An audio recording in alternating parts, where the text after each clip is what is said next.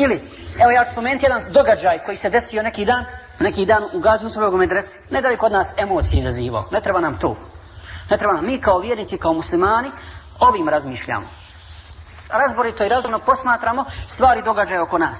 A samo da uzmemo ibret, da uzmemo pouku i da, da braće i sestre shvatimo već jednom u kakvom se mi halu zaista nalazimo.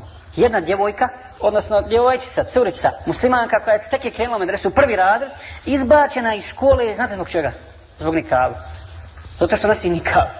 U državi koja je većina muslimanska, gdje su muslimani većina, i to u vjerskoj školi, u, odnosno u islamskoj školi. Iz islamske škole je izbačena zbog nikaba. Ne samo da je izbačena, nego je maltretirana. Maltretirana. Tri mjeseca maltretiranje je trajalo strane određenih profesora u toj ustanovi.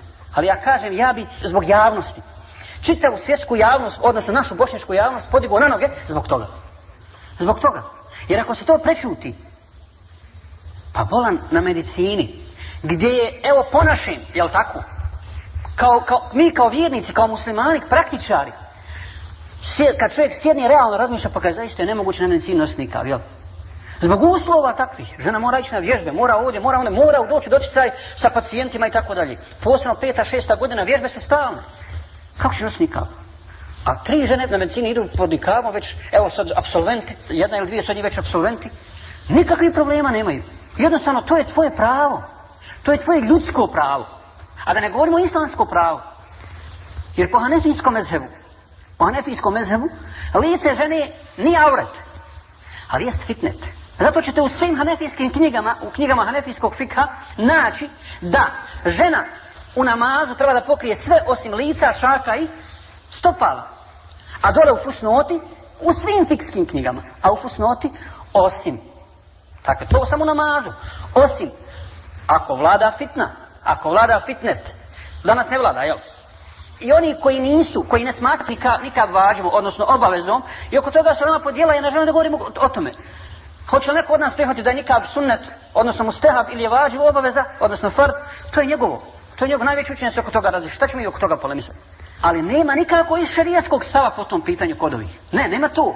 Dakle, i oni koji ne smatraju obavezom, kažu, obaveza je u određenim situacijama.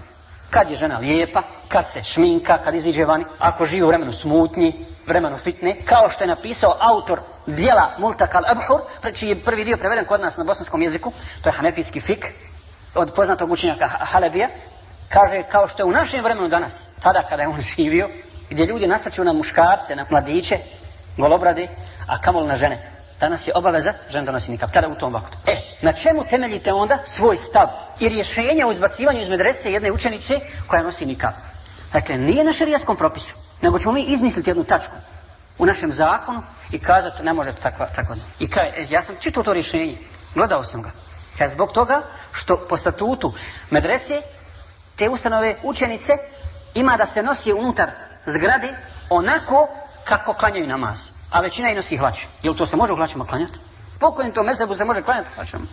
Ako ovo nije riješeno po fiksnim propisima, ni po kako mezebu, zar može naklanjati u hlačama?